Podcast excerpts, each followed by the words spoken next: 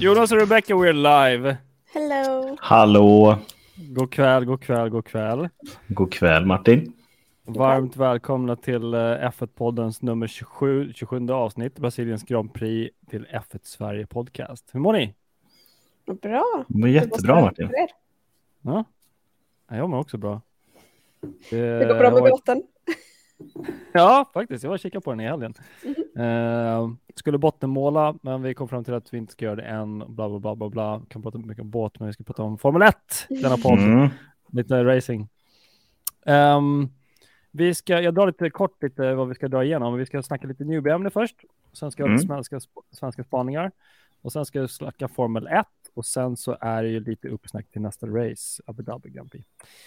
Uh, hur mår ni? Vi vill börja. Börja med Rebecka. Ja, jag, mår, jag mår bra. Det, är- det rullar på. Fortfarande lite så här post-covid-komplikationer, men det är liksom... Det är väl, det är väl vardag vid det här laget, så att det, det är fint. Och jag menar, vi fick ju ett riktigt fint race igår, så man kan ju inte klaga liksom. Jag sa ju det, Interlagos är fantastisk. Mhm. Ja. Hur mår du Jonas?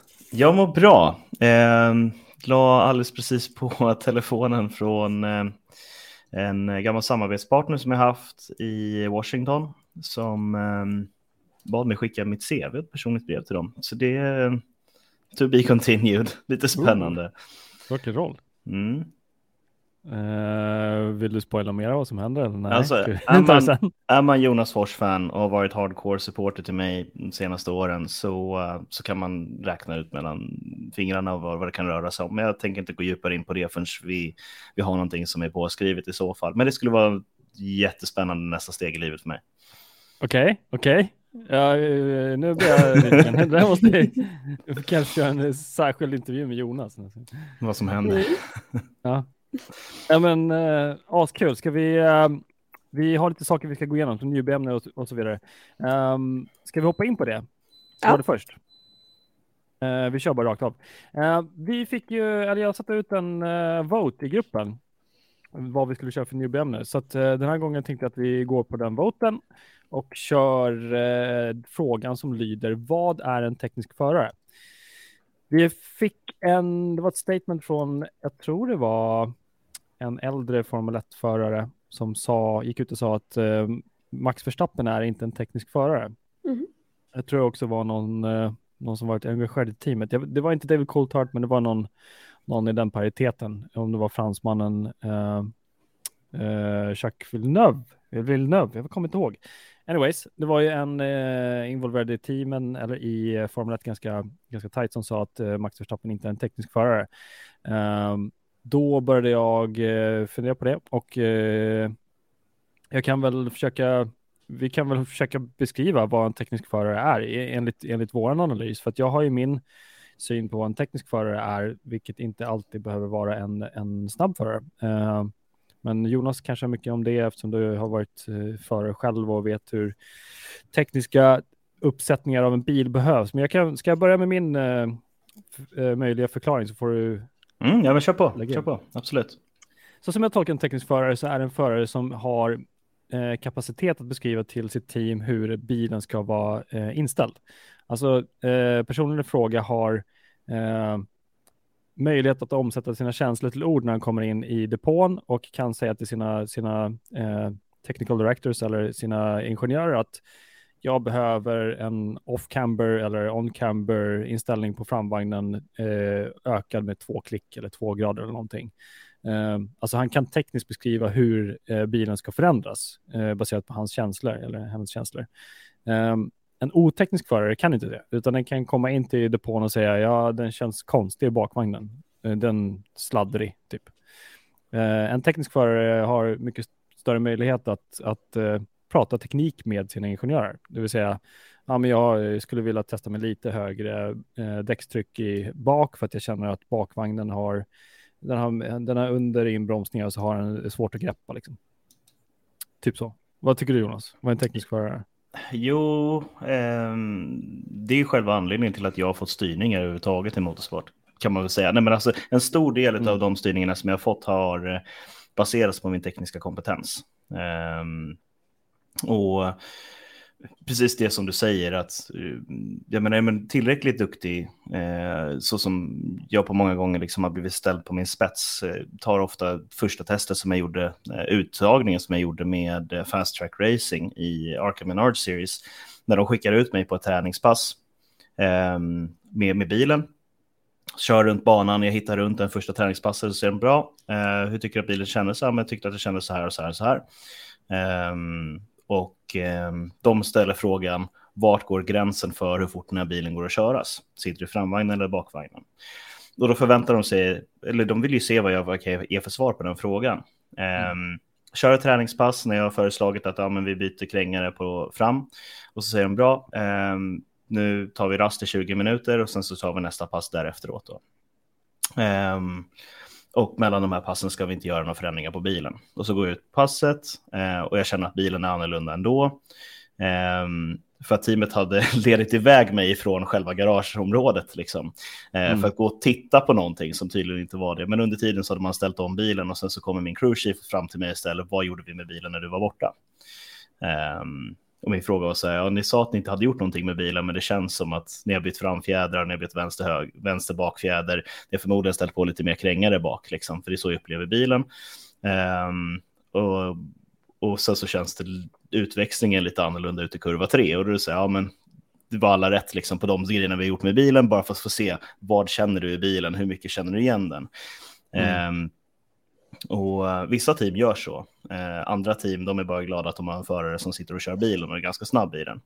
Men det här leder ju också till um, vad jag kan åstadkomma i teamet mer än att bara köra bilen fort. Jag kan ge dem feedback och tar de in en 18-åring eller en eh, 56-åring som har mindre körerfarenhet i teamet så kan jag titta på hur deras bilar beter sig. Jag kan lyssna på vad de säger. Ja, men det känns instabil i bakvagnen. Ja, men känns det som att den lyfter sig lite så här och så här och så här. Så jag kan dra ut eh, de tekniska detaljerna och tolka förarna på ett sätt som jag kan översätta för, för teamet. Vilket innebär att då behöver du inte ha en mästlig ingenjör. Då kan du ha en hyfsat okej okay ingenjör. Kanske till och med en junior ingenjör. Eh, så att ha en tekniskt kompetent förare eh, teknisk förare är så vansinnigt viktigt i de här teamen som är under utveckling. Och det är bara att titta på vilka team är det som anlitar Alonso, vilka team är det som anlitar Vettel. Mm, de två precis. tekniska förarna, de bästa tekniska förarna kanske som vi har i startfältet just nu. Och Kimi eh, på den tiden. Ja, absolut, absolut. Det är därför den typen av förare får vara kvar. Ja, men är det kul att köra för dem? Jag vet inte, men det är en kul grej att göra. Varför är de här förarna kvar? Varför är de värda så mycket pengar? Um, fortfarande, liksom, även om de kanske inte har edgen för att vinna ett mästerskap. Mm. Um, och, um, och det är väl egentligen vad, vad, vad jag skulle säga en teknisk förare är. Um, och personligen, om jag får vara lite edgy, så, så är det ju de tekniska förarna som jag vill sitta, med, sitta med på Bilsportgalan och prata med. För en förare som inte är en teknisk förare har inte jag ut ett skit av att prata med egentligen. Mm. För de kan inte lära mig någonting. Eh, vad ska vi prata om? Ja, men att kurvorna känns bra. Vad har du för bromspunkter? Ja, men någonstans mellan den här och den här skylten. Liksom. Eh, det går att prata vissa känslor, liksom. Eh, men de är väldigt mycket svårare att jobba med på ett teoretiskt stadium. Ehm, och det finns en anledning till att jag ville plugga fordonsdynamik på KTH och gick den linjen ett tag också, eh, innan jag insåg att jag hann inte med att göra båda sakerna. Mm. Feedback, askul att det är folk som lyssnar. Uh, det blir glasklart. Eh, nej, men vi, för vi, förlåt att jag hoppar in här, men vi har ju eh, en studio så att alla ni som eh, pushar ut en kommentar i streamingen, vi kan ju se det här i studion så att eh, det är askul. Vi kan ta upp sånt så att eh, askul att höra att det är glasklart. En, ett asbra svar för Jonas. Ja, men underbart. Underbart att höra. Så är det någon annan fråga så är det bara att liksom slänga ut eh, vad det är för någonting. För att jag menar teknisk förare, det är så okej, okay, är den duktig på den själva tekniken när det kommer till bromsteknik eller gasteknik mm. eller instyrning liksom. Det kan ju vara det också, men eh, när det kommer till själva liksom inställningsteknik och sådana här saker. I Formel 1 är det så vansinnigt viktigt också, för att i det läget så handlar det inte om, ah, men jag skulle vilja ha eh, en, nästa steg i krängaren eller en an, eh, uppåt eller neråt, utan där kan du faktiskt få precis den krängaren som behövs vid tillfället för att ha en fabrik som gör alla delarna. Mm. Så, eh, Um, så där ställs det, den kompetensen verkligen på sin spets. Så jag har otrolig respekt för alla förare som har varit tekniska genier i Formel 1 genom tiden. Underbart. Har du något att tillägga, Rebecka? Alltså, min fundering är ju mest liksom för att det går ju som sagt att vara en duktig förare även utan de tekniska aspekterna, vilket är så intressant om man jämför med liksom, tidiga F1-historien, där du hade förare som kanske var lite äldre än vad många i fältet är i dagsläget.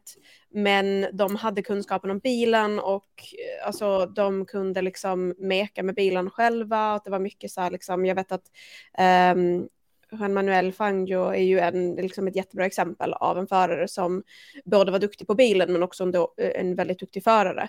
I dagsläget så krävs ju rent tekniskt sett inte den tekniska liksom, kunskapen på samma sätt för att du har ett team bakom med ingenjörer som är liksom, sjukt kunniga um, och som kan täcka upp. Och nu krävs det ju lite mer, hur ska man säga, fysiskt från förarna uh, om man jämför den med liksom, tidigare. Uh, men det är, det är kul att se också liksom, skillnaden mellan en teknisk förare och en mindre teknisk förare. Och, eh, och se också liksom, men utvecklingen för de yngre förarna som kanske lägger energi på att lära sig bilarna och liksom förstå vad som, vad som får bilen att ticka eh, och hur det kan hjälpa dem att bli bättre förare framöver. Mm. Men det där är också, beror inte på vad, vad du har för team bakom dig. Eh, som vi var inne på, jag menar okej, okay, men om du är 14 år, du kör kart, eh, kör, kör karting och håller på med det. Eh, är du då ifrån en familj som har väldigt mycket pengar så att du kan ha en, en mentor och du kan ha en, eh, en mekaniker som jobbar för ett kartingteam eh, som ställer in kartan att så här så här ska den stå, så pratar man, så en duktig mekaniker. Vi tar till exempel min gamla konkurrent Fred Eriksson. Han tittar på hur en kart beter sig, sen ställer han in den efter det. Och det Föraren behöver knappt prata med honom innan han vet vad han ska göra för att det ska gå en tiondel fortare. Liksom. Um, och, um, det, det, är också en sån här vansinnig spetskompetens som, som de har som både är mekaniker och ingenjörer då, eh, på den nivån. Men har du en sån under hela din eh, vad ska man säga, tidiga karriär från att du är sex år tills att du är eh, 15-16 och börjar köra formelbil och då kommer till ett team som, säg, Prema med superingenjörer. Eh, så behöver du inte heller tänka så mycket, för de tittar i datan och ser här och här är bilen långsam, här och här gör föraren fel, så därför är den långsam där. Eh, det här och här kan vi göra med bilen för att kompensera för de misstagen som föraren gör så kommer det gå två tiondelar snabbare, men inte alla de här fyra tiondelarna som finns att hitta den här kurvan.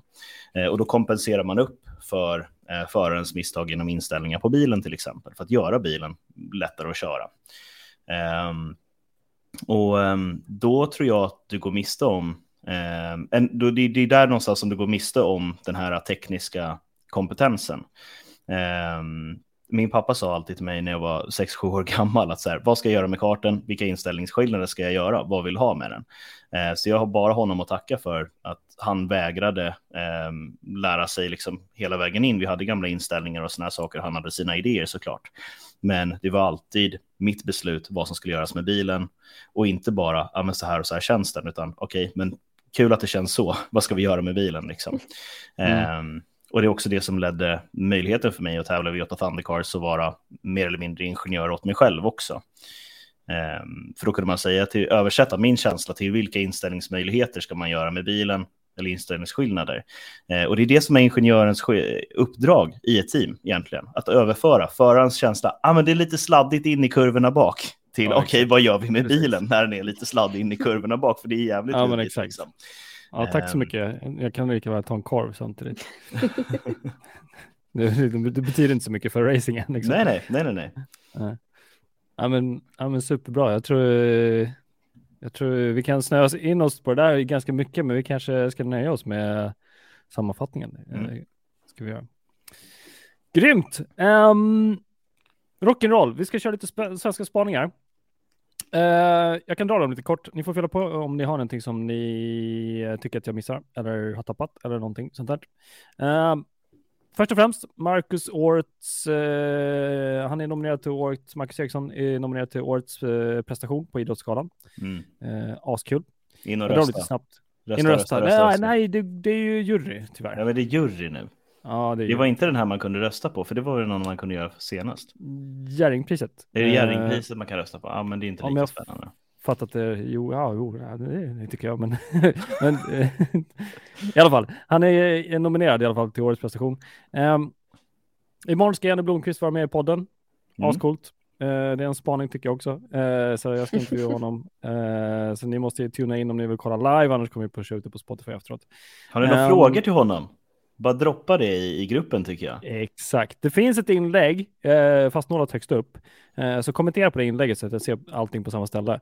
Eh, så ska jag försöka ta upp. Jag har ju preppat jättemycket frågor, men eh, ni kommer kunna ställa frågor live och eh, där på inlägget. Så det är bra Jonas, exakt. Eh, peppra med, peppra med frågor om ni vill ha någonting. Eh, så ska vi försöka balansera det här. Jag menar om det blir för mycket frågor så måste jag ju sålla ut lite. Vi får se. Det blir jättekul. Asroligt i alla fall, Janne. Ehm, och, och, och. Eh, ni som lyssnar på Spotify, eh, tryck på lite stjärnor där. Eh, gå in på podden och tryck på stjärnor. Eh, plural, förslagsvis. Eh, för att, eh, en sak som driver oss, alltså Sveriges motorsport-community och det är de som huvudägare till F1 Sverige, liksom, eller grupp, gruppsammanhanget. Vi gör ju det här för att sprida sporten till nya människor. Och en sak som skulle vara kul är att om man öppnar Spotify och ska söka upp en F1-podd så vill man ju se den indexerad ganska högt upp. Uh, just nu dyker det upp massa internationella podcasts och sånt så att hoppa in och ratea för 17. Vi behöver det. Um, en annan spaning. Lite, hoppar lite in lite på F1 här, men jag drar ändå. Um, num- till nästa år, 2023, så har vi egentligen bara två stycken. Det brukar vara silly season, så det är därför jag tar upp den nu som en spaning. Eh, november, december brukar vara silly season, men de flesta förarna är satta inför 2023. Men vi kan dra det ändå. Um, ehm, det finns bara två stycken platser kvar, to be announced, och det är uh, en plats i Haas och en i Williams. De som är klara för uh, nästa år i respektive team, för det finns bara en plats i respektive team, det är eh, Kevin Magnusson till Haas och Alexander Albon till Williams. Så att eh, vi väntar där på två stycken slots antagligen. Vi kan snacka om det kommer vara Schumacher som antagligen kommer köra Haas, men eh, ja, vi får se. Um, det är i alla fall en spaning. En till kort spaning, det är att Johan Kristoffersson, eller kort och kort, den är väldigt stor. Johan Kristoffersson har vunnit rallycross eh, 2022. Så att han är eh, mästare i FIA rallycross 2022, vilket är asballt. Han tog ju segern i sista racet även om han var färdig eh, innan det. Så um, ytterligare en pokal på hyllan. Exakt. Fantastiskt. Han är, alltså, jag tror sju eller åtta nu, tror jag, titlar. Uh, fem, tack. det är bra. Vi kör live så vi kan det, kom, det, kom, det kommer nog bli sju, åtta. Exakt, precis. Uh, andra plats, Kevin Hansen. Hansen. Hansen. Hansen. Mm. Tack, Hansen. Uh, andra plats FIA rallycross uh, världsmästare, så att, uh, världsmästerskapet, så att det är två svenskar på ettan, tvåan. det är liksom att vi inte följer lite mer, lite konstigt. Men, ja, men det där ser det, alltså, det är nästan ett svenskt mästerskap utomlands. Det går så otroligt Exakt. bra för Sverige i rallycross just nu och det har gjort det de senaste åren också. Och det är så vansinnigt fantastiskt att se. Mm. Asballt. Mer korta spaningar innan vi hoppar in på Formel 1 och racet i, i igår. Um, Annie Sil tog, uh, hon vann första klassen, eller uh, vann första plats i T4-klassen uh, i Hail rally som går i Saudiarabien. så det är rätt coolt och med stor sannolikhet kommer hon köra i Dakar i januari. Det kommer bli asballt. Ingenting bekräftat, men vi vet i alla fall att Mattias Ekström kommer köra i Dakar i januari. Mm. Så att ni som kommer få lite stiltje nu, ni vet att ni kan hoppa in i Rally Raid Sweden och följa Dakar-racet. det är asballt. That's it. Ska vi snacka Formel 1? Ja, det kan vi göra. Alltså, Ja, på, ja, ja. Tal, på tal om inför nästa säsong, senast jag såg nu var att eh, det finns spekulationer om att uh, Haas kanske signar Hulkenberg. Vad hade ni tyckt om det? Hulken, Ja, det gillar alltså, vi. Ja. K-Mag och Hulken i samma team igen. Nej. Silly men season det- ain't over. Ja, det blir liksom som eh, första säsongen på Drive to Survive. Det är väl- Ja. Det funkar personkemin så varför inte? ja, men de var ju Rockstars senast liksom. Mm. Så att, eh, nice. Ska vi snacka Brasilien Grand Prix? Jag har eh, lite flaggor, men ni har också flaggor. Ska vi? Mm. Vart ska vi börja? Ja, ska vi börja den bra eller dåliga? Precis. Det är som frågan, liksom. Ska man Somebody bara börja stage. på folk eller ska man börja Ja. liksom, Men jag sa ju det från början att det här racet på, på Interlagos kommer bli fantastiskt för Interlagos är en sån bana. Mm. Ehm, man kan ju sammanfattar racet kort sagt händelserikt liksom. Nej, men Ja. så väldigt spännande. Ehm, Men Men- jag tror, okej, ska vi börja med highlighten, Russells prestation med att ta pole och sen lyckas hålla pole hela racet. ehm, och även liksom just den här efter safety caren när, eh, när Norris körde ut. Alltså, och han har Hamilton liksom precis bakom sig. Och pressen att ha eh, liksom en sjufaldig världsmästare bakom sig och kunna hålla honom bakom sig. Liksom, när de, alltså de är i samma team, de visar ju säkert varandra respekt och sådär, men jag tror också att Hamilton, han vill ju ha den här vinsten. Han har inte vunnit någon gång den här säsongen och mm. det hade varit, liksom, men samtidigt, Russell fightas för sin första Grand Prix-vinst. Mm. Och det, det, var, det var super, superkul att se och en sån fantastisk prestation. Och eh, ja, men lite kul också efter liksom, vad som hände på qualifying när han bara körde ut och liksom spann ut och fastnade i, i gruset. Mm. Så, så blev det ju ändå väldigt, väldigt bra till slut. Och det, det visar också på det här som jag tror att jag har nämnt typ hela säsongen från att liksom Mercedes signade Russell, men just det här att han, alltså när han var hos- Williams, han kunde ju inte riktigt liksom visa den kapaciteten som man ändå känner att han, han, han gömde där någonstans. Och sen när han väl fick chansen att köra för Mercedes i slutet av förra säsongen så gick det ju inte så bra.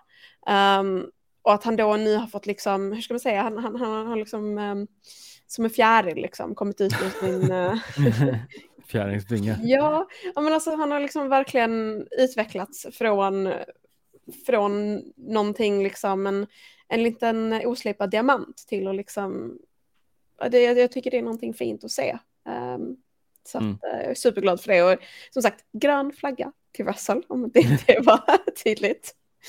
Superkul. Alltså, jag, jag kan ju säga det att jag blev jag satt ju på soffan och blev tårögd. Alltså det var, det var fint. Ja, alltså jag fick sån, lite generell kommentar, jag fick sån, jag fick sån status quo på något sätt, för det var ju liksom den här eh, hickan jag fick av Max uttalande och Max agerande samtidigt som jag så, såg George vinna. Det blev så här, ja det är två saker samtidigt som händer, som, som, en som är konstig och jobbig och fel och en som är asfin. Och Bara, Jaha, nej. Så jag landade lite plattfall där i mina känslor efter racet. Det blev så här drama. Men eh, otroligt kul att se. Och jag fick en känsla någonstans under racet att eh, för de som kommenterade det också, senaste eh, racets senaste fem varv eller någonting så låg Lewis konstant 1,5 sekunder efter eh, George. Eh, Och jag börjar fun- filosofera kring att faktiskt Lewis bara så här, nej, men han leder före mig i mästerskapet. Han, han kör, han kört bättre än mig och jag kommer inte gå upp och attackera på min teamkamrat nu. eh, för att han är värd det här. Liksom. Jag tror det har skett, för annars, för han, han, han knep ju ikapp alla andra. I en väldans så Det, att- det är lite out of character med Hamilton att liksom släppa av och inte ge allt vad bilen har liksom för att man har Mm. chans att vinna. Ehm, så det kan ligga någon form av teamorder bakom det där. Det kan ligga någon, eh, ehm, någon känsla i att ja, men det är bra för Russell att vinna ett race. Ehm, Hamilton Mm. behöver ha andra platsen för sina poäng också. Ehm, andra plats är fortfarande bra poäng. Och det är väl dumt att kanske riskera någonting också. När man har en 1-2 Mercedes och eh, avslutningen av säsongen har varit väldigt mycket Red Bull också. Ehm, men Hamilton har gjort, gjorde ju också ett fantastiskt race efter kontakten och skadorna på bilen. Och liksom, Så det, jag vill lyfta fram Georges prestation, men jag vill också lyfta, lyfta fram Lewis Hamiltons prestation från det här racet. Att det, det, det är ju alltid häftigt att se de här fallen och sen uppgångarna efteråt. Och det fick vi ju se Mm. ett par stycken. Uppgången fall som är bara grön. Mm. ja. Men jag menar, rent generellt så känns det som att eh, det var en ganska bra dag för Mercedes. Och jag Jo, men absolut, så. roligast, det absolut roligast efter racet var ju också liksom när så här, George Russell på telefonen och de, de sitter och kommenterar bara, ah, han kanske pratar med sina föräldrar och någonting så bara, nej, nej, det är Toto. Det är den första han snackar med. Men jag fattar inte, vad var Toto? Vad... Så, vad, Han var inte där, jag vet inte. Man kan väl få vara ledig någon gång eller? Ja, ja, inte nöjd. Men vinner. du, du har ju helger emellan race ibland. Ja, Exakt. ibland ja. Då kan man vara med familjen. Precis. Du har ju en hel månad där mellan liksom eh, med uppehåll och sådär under sommaren. Det är... Dottern har Mm. dansuppvisning och sådär. Liksom måste ju gå på sådana saker också. Family, family. Det är ju svårt med Formel 1 att vara borta. Vad heter det? Um, Nej, plus ett. Det är, han ska ha all cred den här helgen. Ehm, och eh, jag har en flagga där. Den är ska jag dra den eller? Ja, nu är det din tur. Ehm, det är bara en grön flagga till Mercedes. Mm. Ehm, vi pratade om det i början på säsongen ganska mycket, om tillförlitlighet och eh, Mercedes. Vi hade alla förvä- förväntningar på att Red Bull och Mercedes skulle fightas mot varandra. Det gjorde de ju absolut inte, utan det var ju Ferrari som tog den första racen. Det var ju också så att Mercedes hade absolut störst problem med purposing. Eh, de har ju verkligen, verkligen haft problem med det och du fick ju inte bukt med det förrän närmare sommaren om jag minns rätt. Eh, så de har ju verkligen lidit och ligger långt bak i, i mästerskapsfajten. Ehm, man sa ju allt, alla, alla sa ju det att du, du klar, det räcker ju inte med som för Mercedes att de ska bara få ordning på sitt paket, utan de måste ju faktiskt öka snabbare än de andra ökar sina hastigheter under Formel 1-säsongen. Och det sa man ju liksom så här, okej, mm, vi får väl se om det händer. Alla hade ju den attityden.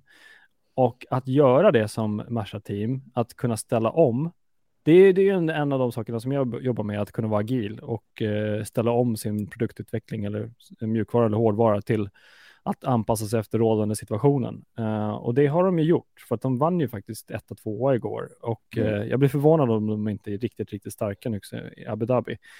Eh, och att ha gjort det som ett team gör att man blir så här, fan, ni kan ligga på toppen, ni kan bli nedslagna, men ni, ni kan ta er tillbaka verkar det som. Och det, det är ju starkt, en underdrift.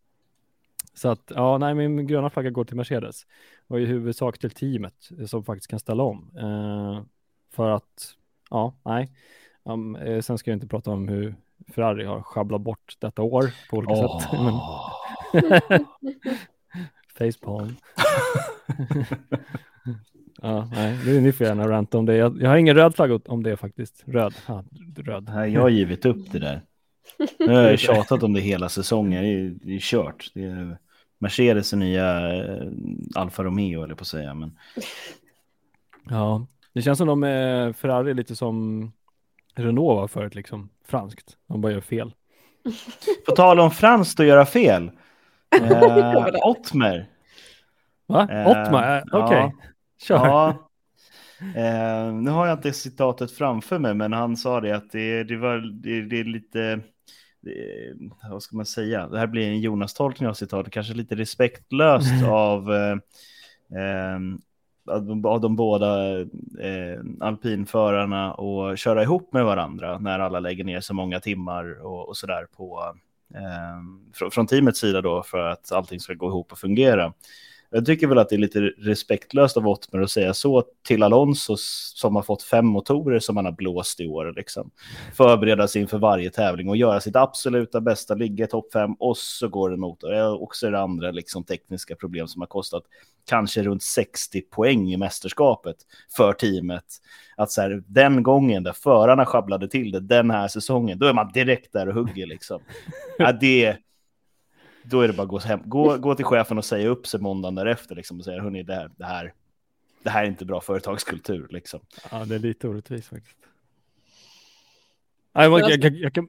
Ja, alltså, men Ocon är ju lite, alltså igår var ju, tycker jag, det var inte riktigt kul. Han var så här, han försökte verkligen så här bara, ja men, för de sa ju det, ja men du måste släppa förbi eh, eh, Fernando, han har liksom pacen.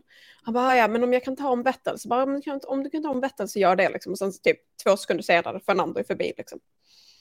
Alltid så, han bara, ah, jag, ska, jag ska tävla mot Fernando, och så man bara, du kan inte det. Nej, Det går inte. nej. Stackare.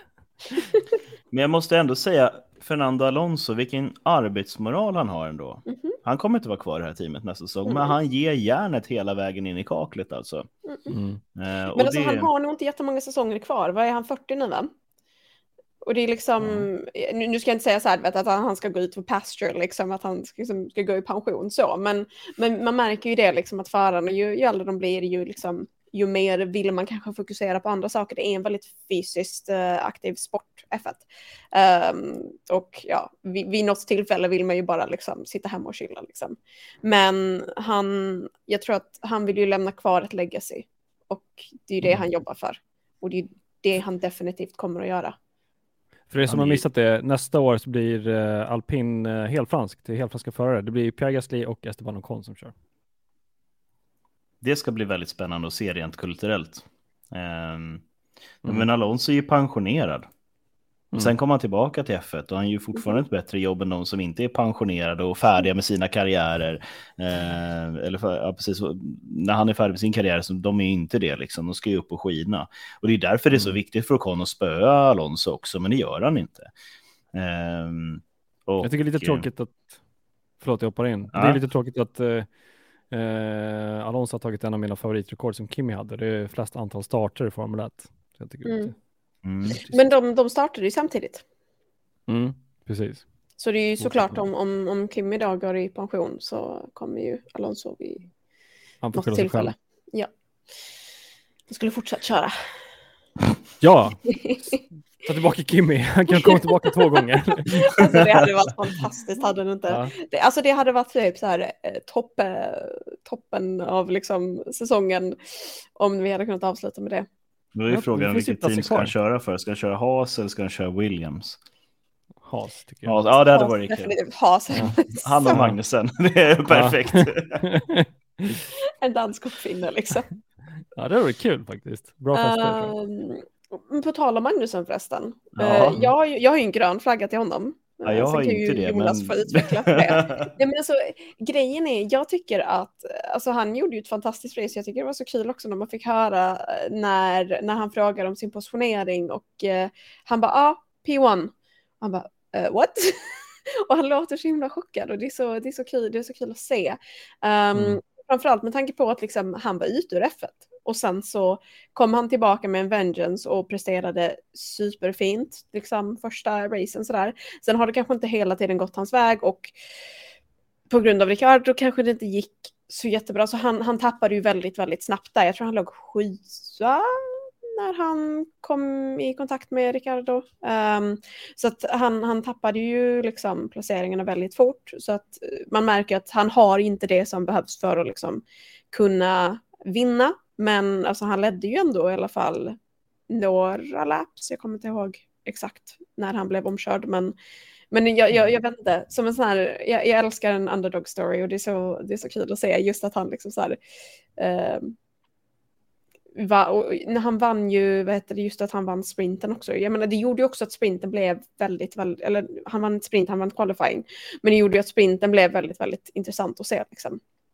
Mm. Uh, och jag vet, jag vet alltså jag har en förkärlek för, för sprinthelger. Det är, ehm, jag tror att de definitivt tilltalar mig mer. Ja, Spännande. de är ganska kul. Jag mm. gillar det. Det blir liksom lite små, små race. Jag satt och käkade middag på lördagen och bara, ja men fan det är 25 varv, ska du dra det eller? Lite lagom att köra mm. på kvällen där någon gång. Jag gillar det. Um, nej. En, en annan sport. Det är viktigare med kval och man provar andra grejer och det är full fart hela vägen in i mål och det är på ett, mm. på ett helt annat sätt. Nej, jag mm. ger eh, Magnusen en gul flagga, men det handlar bara om situationen med Ricciardo. Um, mm. Och där är jag lite tudelad. Ricciardo ska ha en röd flagga för att man kör inte över någon på det sättet som man gjorde där. Um, men det fick han ju betala själv för också. Um, men i den situationen, Magnusen blir på, påkörd av Ricciardo och vänder runt. Eh, håller du bilen, håller du på bromsarna med bilen så bilen står helt stilla, även om du står mitt i, liksom, mitt i banan, eh, så blir det lättare för alla andra bilar runt omkring att avgöra vart du är på väg någonstans. Nu höll han inte i dem, utan han rullade ganska snabbt av banan och det är därför som han blir träffad av Ricciardo, för att eh, i den andra liksom, kontakten. Eh, och eh, det handlar ju om att Ricciardo inte kan avgöra vart den här bilen är på väg för att man tänker sig att den bilen kommer förmodligen vara stilla där den står liksom. Ehm, men när du har rull på bilen bakåt då, ehm, då har du gjort bilen osäker så att säga och du sätter de andra förarna lite grann i fara liksom. Ehm, och nu tog han ju ut den bilen som tog ut honom, mm. vilket jag är ganska övertygad om att han inte hade koll på själv. Eh, att det var just Ricciardo som hade kört på honom och det var Ricciardo som han träffade med sin bil och tog ut racet mer eller mindre. Um, och det är väl skönt med lite retaliation kan väl jag känna, men... um... Apropå retaliation så får vi snart bryta elefanten i rummet. Precis, vi har suttit och hållit på den så länge. Men det var, det var, hela, det var hela mitt upp, utlägg, liksom. alltså just den situationen. Eh, du måste göra bilen, även, även om det skiter sig för dig så betyder inte det att du ska få göra vad du vill och kunna backa in i motståndare och sådana där saker. Så du måste hålla, händer någonting, eh, kraschar du med bilen, eh, så se till att du säkerställer vart du är någonstans på banan för att minska risken för att skada någon annan också. Och det gör han inte i den här situationen och det ska han ha en kommentar om. Mm. Eh, plus ett. Jag kan bara hålla med. uh, jag har en, men du har lite mer Rebecka innan vi drar uh, elefanten i rummet eller? Ja, ja men alltså. Jag, min, jag har ju en sista grön flagga uh, till Science för att alltså det, det var ju superfint presterat av honom. Han, han tog ju omkörningar som, liksom, som att det inte fanns en morgondag. Det var, det var super, superkul att se, uh, framförallt med tanke på hur, hur mycket han har blivit um, hur ska man säga, förstörd av uh, det som är Ferrari och Ferraris um, motorer och bilar och ja. Um, så det är kul att se en liten, liksom att han får hamna på ett podium igen och att mm. Ferrari dessutom tog beslutet att inte låta Leclerc uh, ta om Sainz känns ändå rätt för att jag tycker ändå att det där podiet tillhörde Sainz även om jag för teamets skull hade det kanske varit bättre att ge um, Leclerc de poängen för mästerskapsplacering. Liksom, Men nej, det var, jag tycker bara det var, det var kul att se, se Sainz prestera och hamna på podium. Mm. Kudos, äntligen mm. lite Ferrari-framgångar. Är du nöjd där? Ska jag hoppa in på? Nej, ni, ni, ni kan få börja ranta iväg. Jag har en liten rant som, som jag vill köra sen också. Mm. Okay. Men vi kan börja med, med vad ni ja, vill prata om. Snacka, ska jag snacka Max? Eller? uh, Röd men vi tar... Max. ja, röd flagg till Max. Nej, men uh, ska vi, jag vet inte hur vi ska bryta isen här, men det finns ju en, ett klipp som du tog upp Jonas innan, som vi kanske ska, ska vi, ska vi dra det? Jag tycker vi ger lite bakgrund till, till, till hela situationen. Ja, det gör vi. Bra. Ja. Vi börjar så. Ja, vi hade en kontakt mellan två bilar på banan eh, förra årets mästerskapskombatanter, eh, Hamilton, Verstappen. Eh, och det innebar då att vidare att Verstappen hamnade längre bak i fältet, eh, skulle ta sig igenom det fältet där och ehm, teamet i Red Bull sa att kör, kör om ehm, Eh, checka om du vill och sen eh, i slutet av racet så ge tillbaka placeringen för att han behöver det för sitt mästerskap. För att kunna göra en 1-2 Red Bull i förra mästerskapet. Vilket de aldrig har lyckats med eh, faktiskt. Eh, så det hade varit första gången och ehm, med bortgången från Red Bulls grundare så hade det varit otroligt fint om de kunde få det just i år då. Kan jag tycka. Ehm, mm. Men ehm, snacket runt omkring vet ni mer, mer än mig om egentligen. Eh, det finns någonting, något drama däremellan eh, de här två Red Bull-förarna som gör att Verstappen inte ville släppa tillbaka. Ja, precis. Eh, jag tror inte vi kan dra upp klippet, men jag tror ni alla sett det i gruppen. Men eh, när Max blir ombedd att släppa tillbaka Perez, eh, då svarar han inte, han gör ingenting. Och sen på slutet av racet så frågar teamet, vad var det som hände? Vad, så svarade han inte, så frågade de typ igen, eh, Max förklara vad var det som har hänt? Och då sa han ungefär någonting i stil med att eh, ni kommer ihåg vad som hände förra sommaren och, och förra på engelska kan ju också betyda denna sommar. Eh, och det, ni får inte fråga om mig om det här igen. Eh, det, här, det här har vi slutpratat om, okej? Okay, frågetecken. Um, då började väl alla fundera på vad var det som hände förra sommaren? För det var, ingen, det var lite oklart. Det var ingen som har snackat om det här på något sätt. Det var ju liksom incidenten som man refererar till har ingen riktigt uppmärksammat mig veterligen. Det var ju varit en så här flyby. Men eh, Max sa på radion eh, Monaco last summer. Eh, och tydligen så får man fram då på olika inlägg att eh, Perez har under kvalet i Monaco, det vill säga 2022 eh, blir det, eh, med flit kraschat eh, framför honom. Så att han har då Eh, Eh, I och med att han har kraschat, det ser man på telemetrik, man ser det på, man hör det på motorljudet eh, och han har också tydligen erkänt det internt nu, kommer fram till eh, Red Bull, att han har kraschat med flit. Han har kraschat med flit Monaco för att kunna ställa till det för Verstappen och kunna komma före honom i kvalet. Resultatet blev att han placerar sig en position före i kvalet, så han startar en position bättre än Verstappen. Det fanns eh, tydligen kvar för, för Max Verstappen. Eh, och jag eh, postade i gruppen och försökte fråga liksom, varför finns det här kvar? Vad finns det för orsak till att Max gör så här? För att få lite nyanserad debatt om, liksom, för att förstå människan, eh, Verstappen, varför han eh, idag, så här typ, eh, vad blir det, ett halvår senare, inte släpper bli sin förarkamrat för att kunna få plats nummer sex i, i racet som faktiskt han skulle gynnas av. För Max Verstappen har redan vunnit mästerskapet. Mm. Så jag försökte förstå, fatta varför. Um, och då tack vare personen Leif Björling uh, så gav ett väldigt bra uh, nyanserat, uh, nyanserad analys av det. Och i det tillfället där uh, Perez och Verstappen körde i Monaco så, led, så var det ganska liten diff mellan de två i poängställningen. Uh, det gjorde att eh, Perez tog till det här eh, tjuvnypet eller eh, med flit kraschade, eh, som han har erkänt, eh, för att kunna komma före Verstappen. Eh, I teamet och för Verstappens eh, för Verstappen, i Verstappens värld så betyder det att han har fuskat. Eh, Perez, han har fuskat sig till en, en ledning. Liksom. Eh, och i, i, den, eh, i den kulturen, i den, enligt hans värderingar, så betyder det ett mycket, mycket större övertramp eh, än vad man bör göra i ett team. På, på, med den eh, förklaringen, med den bakgrunden, är den enda eh, liksom, logiska bakgrunden som jag har förstått eh, till att Max Verstappen idag fortfarande har aggressioner mot Perez.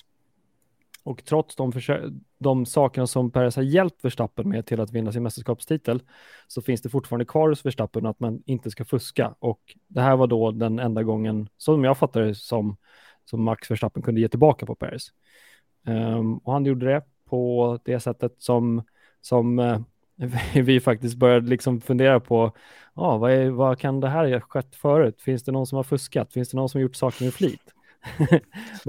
för att få en nyanserad debatt om liksom Max Verstappens beteende. För, för att otroligt många var upprörda igår kväll och jag eh, körde mute på många människor som inte kunde hålla sig eh, på rätt sida av språket. Um, och jag förstår det. Jag förstår att jättemånga var skitsura på Max och det var jag också. Jag tycker han betedde sig som han betedde sig.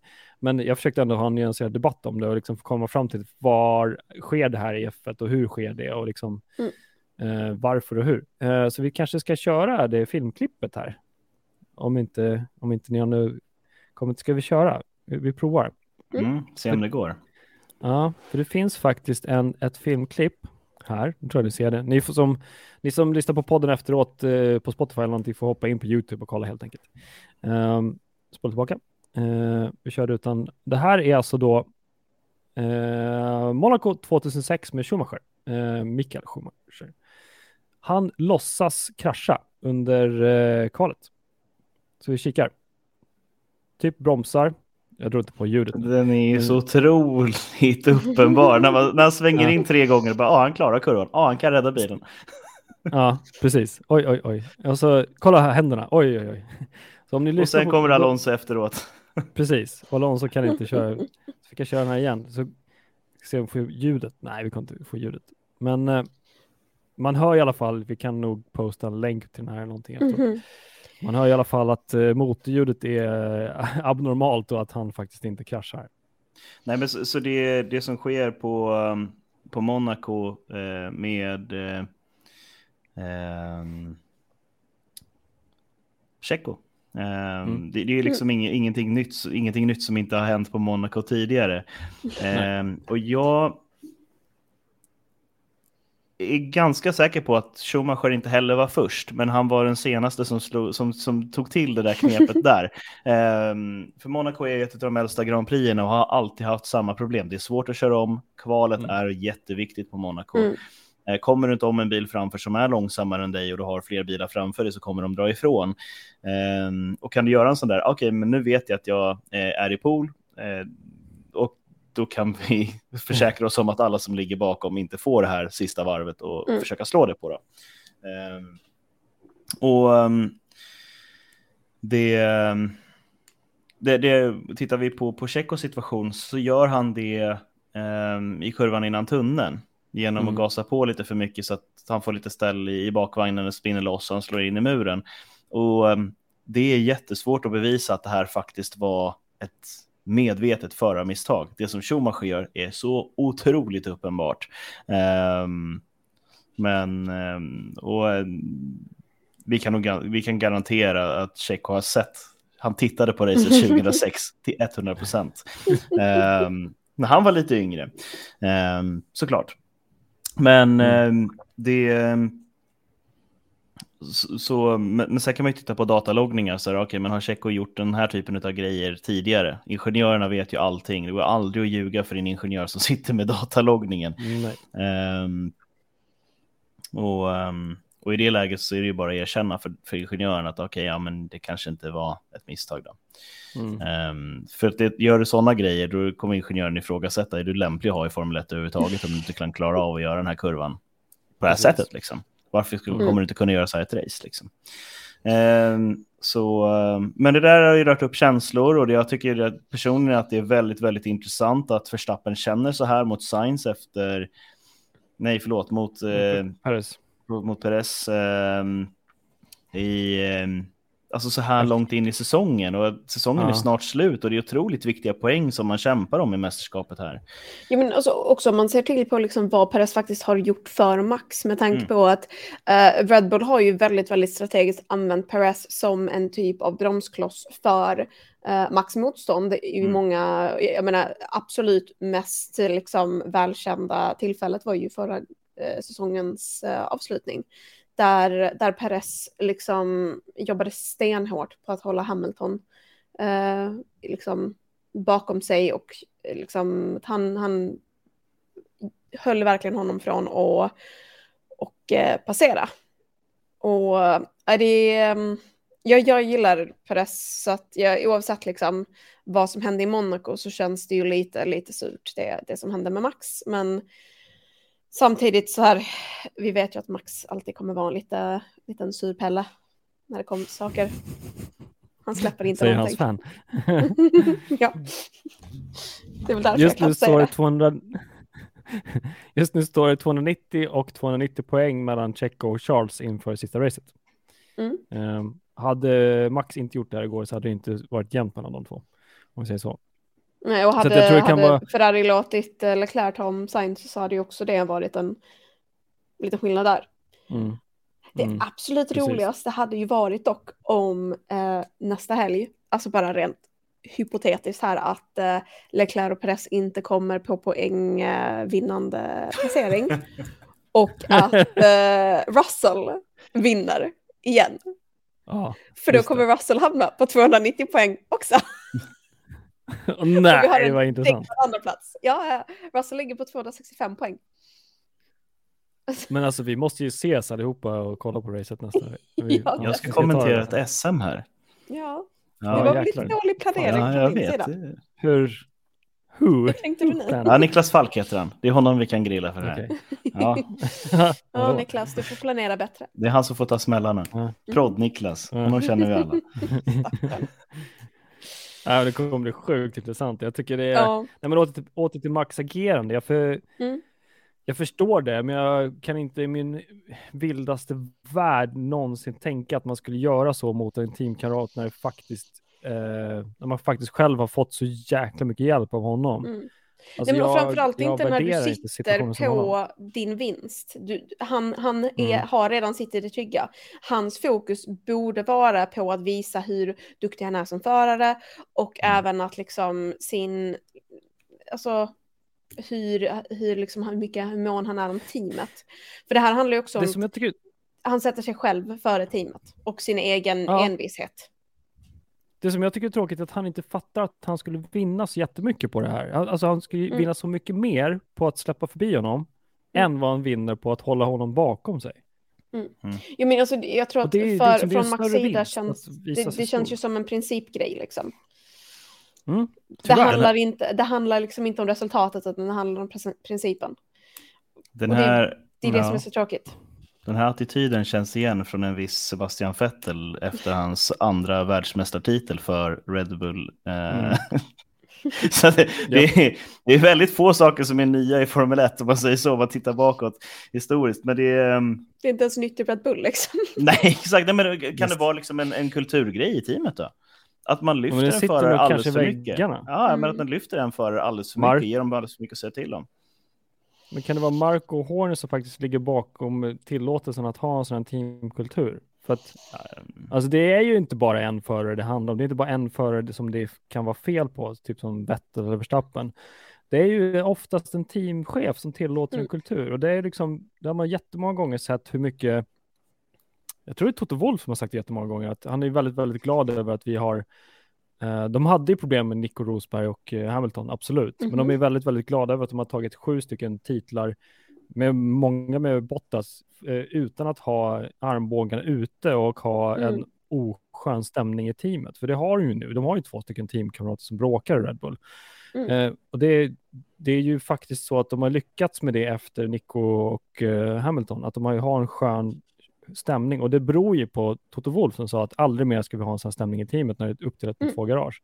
Och det har inte Red Bull någonsin sagt ut, sagt någon gång, utan de tycker okej okay med den här liksom, eh, vad ska man säga, Hawk, Hawkeye eller ja, örn, örnattackerna från uh, olika sidor av garaget. Det, är, mm. det är det som tillåter det. Jag menar om hon hade gått ut och sagt att det här är inte okej, okay. du kan ju förlora Men kontraktet. Alltså, jag menar om vi, om, vi, om vi går tillbaka till, jag tror det var 2018 Baku, hade du ju mm. Ricardo och Verstappen.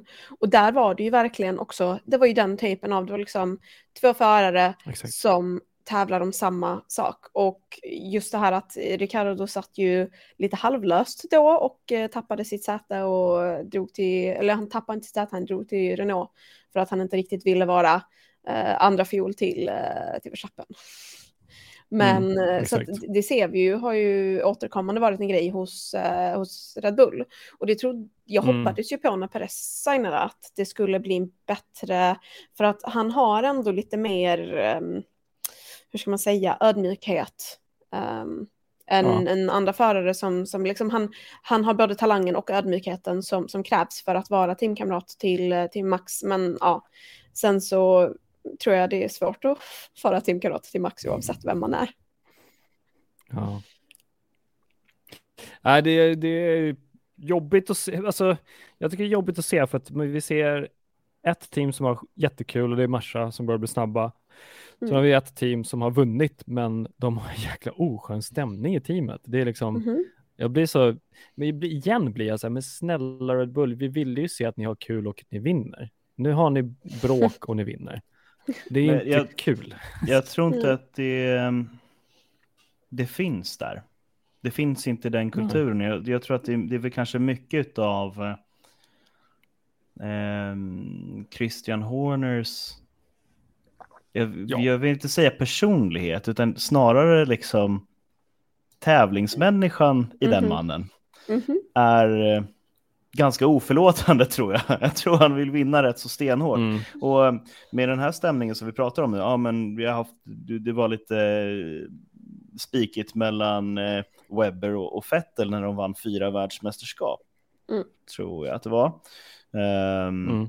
Konstruktören i alla fall. Då vet man att det här funkar så här kan vi vinna mästerskap. Så här kan vi slå Exakt. de gamla teamen och stora teamen och nu har man samma sak igen. Och jag skulle inte förvåna mig om Red Bull tar två titlar till. Um, men um, det, um, och, och, det är det som är så otroligt intressant. För jag menar, tittar man på Ferraris storhetstid så hade de uh, Schumacher som, som första förare. Sen hade de olika andra förare eh, som, mm. som supportfunktion till honom. Tittar vi på Mercedes nu, när Lewis Hamilton har gått upp och verkligen blomstrat, så var det efter Nico Rosberg på riktigt. Eh, med Bottas som en, som en assignerad andra förare. Eh, yep. Och det är många team som tar efter det. Men vi har en första förare så har vi en andra förare. Det är väldigt få team som har, men vi satsar på två snabba förare. Um, och jag, jag, tror att personligen så tror jag på två snabba förare som vill framåt och som vill göra den resan tillsammans. Och den öppna kommunikationen mellan de två garagen, att kunna dela eh, information mellan varandra. Jag tror på att ha två förare med samma körstil så att en förare kan prova ett lufttryck, en annan kan prova det andra, så går man in så har man en öppen diskussion och pratar. Okej, okay, men varför gick det här bättre för dig och varför gick det här sämre för mig? Vad tror vi på? Vart är kompromissen? Och sen så hittar man en tiondel var istället. Med den analysen så tror ni att vi kommer få en annorlunda stämning i Mercedes nästa år? För att idag har ju, eller i år har ju faktiskt eh, Lewis gått ut och sagt det, att men, har, vi mm. fightas som typ sjätte, sjunde plats mellan mig och George. Jag, jag tycker inte det är jobbigt att han är före mig i poängsällskapet. Mm. Men om Mercedes nu är så pass snabba som de är inför 2023, tror ni att de kommer också kanske få en jobbig stämning om det faktiskt liksom båda två är i paritet med varandra och fightas? Nej, men alltså, jag, tror, jag tror nog att de kommer ha lite bättre, liksom, hur ska man säga, tävlingsinställning. Uh, liksom, Principer. Um, I mean, jag, jag, det känns som att uh, George och Hamilton tror jag har lite mer respekt för varandra hoppas jag. Och just mm. det i med att de har haft den här liksom, lite kampen, med, kampen mot sin egen bil egentligen uh, denna säsongen. Så tror jag också att det har byggt upp en uppskattning för liksom, att faktiskt kunna racea. Um, hoppas jag i alla fall. Jag hoppas och ser fram emot nästa säsong eh, för Mercedes för att se den här eh, symbiosen mellan Hamilton och George som vi har sett emellanåt under den här säsongen. Mm. Det kommer bli askul att följa. Alltså jag längtar så mycket efter 2023. Det är ju liksom nästan samma hype. 2022 är inte över än.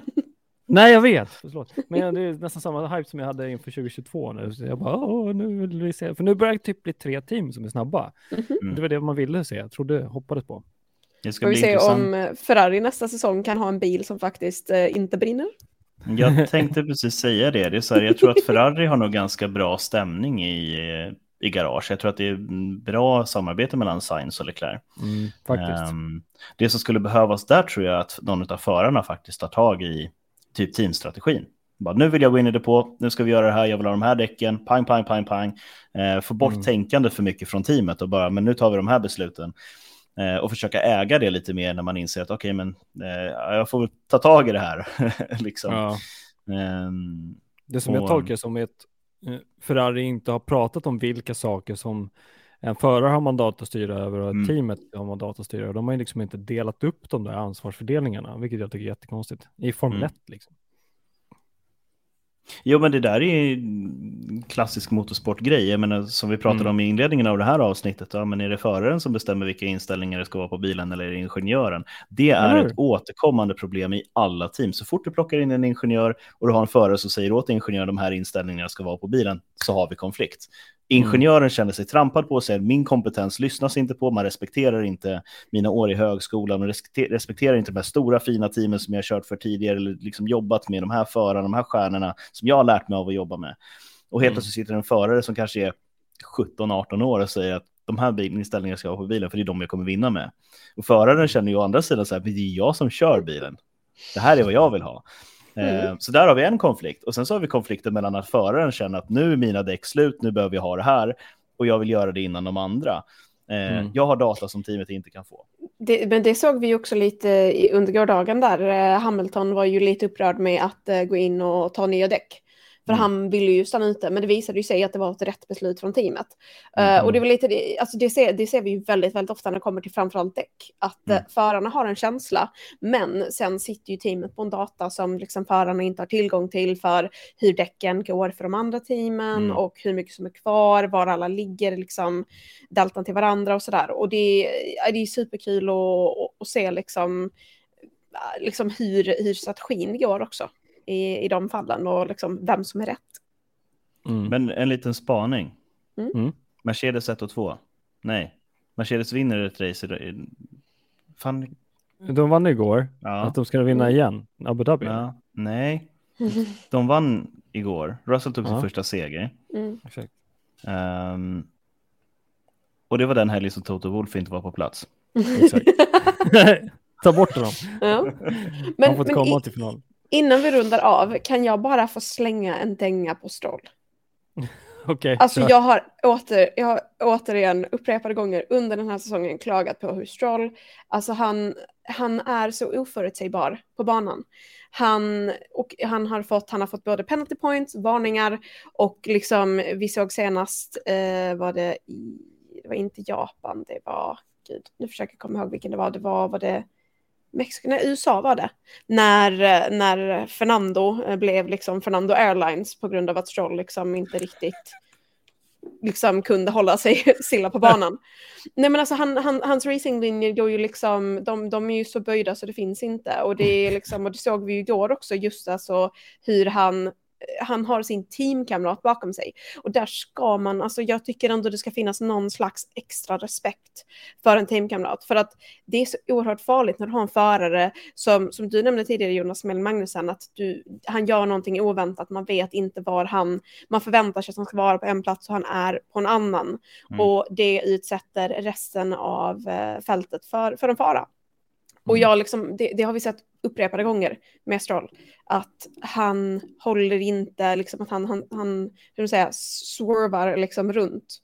Och är det, det, det är bara så, så tråkigt att se, för jag tycker liksom, hitta din linje och håll den och liksom bete dig så som, så som du kan, som, så som du bör förväntas bete dig som, som förare. Liksom. Att, men- det, är ingen annan förare som, som vi kan se som har så pass oberäkneligt beteende som Stroll. Alltså det måste ju finnas alltid någon som är sämst. Det var ju pastor Han Maldonado förut. Han är ju, alltså han är ju duktig, han är ju duktig, han är en kapabel förare. Ah, han okej, har ju. Ja, det kan vi ju diskutera.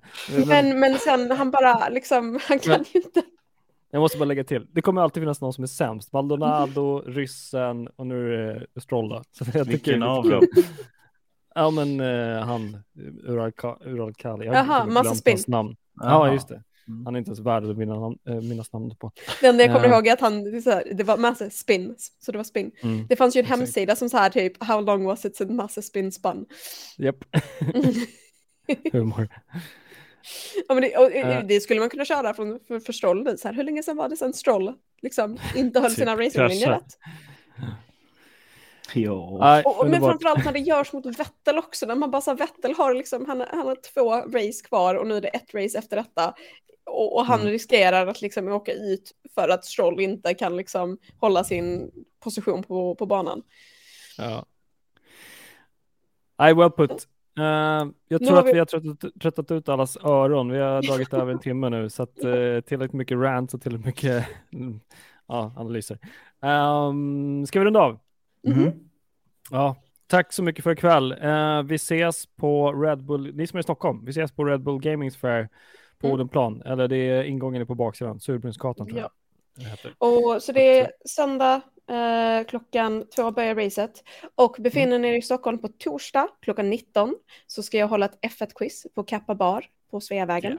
Eh, så där får ni jättegärna dyka upp, boka bord bara så att ni ser till att det finns plats. Eh, så lovar jag att det ska finnas en variation av olika frågor av teknisk karaktär, banor, förare, historiska frågor också och lite, lite lätt drive to survive fakta någonstans kanske. Kan ni mer om F1 än mig och Martin? Ja, vi vann senast du och jag Jonas Ja, på quizet, mm. så vi, vi får se vad som händer den här gången. Mm, upp till bevis då. Obesegrad på F1-quizen så Pressen är länge. Nej, otroligt stort tack ni som är med i Facebookgruppen, ni som lyssnar online på Spotify, ni som har bidragit med Swish, ni som är Patreons och alla er som är med och lyssnar överallt och eh, hänger i gruppen. Eh, extra tack till Rebecka och Jonas. Eh, Tack själv. Martin. Tack Tack så själv mycket. Martin. Vi syns och hörs. Det gör vi. Ha det. Ha det Hej. fint. Hej. Hej.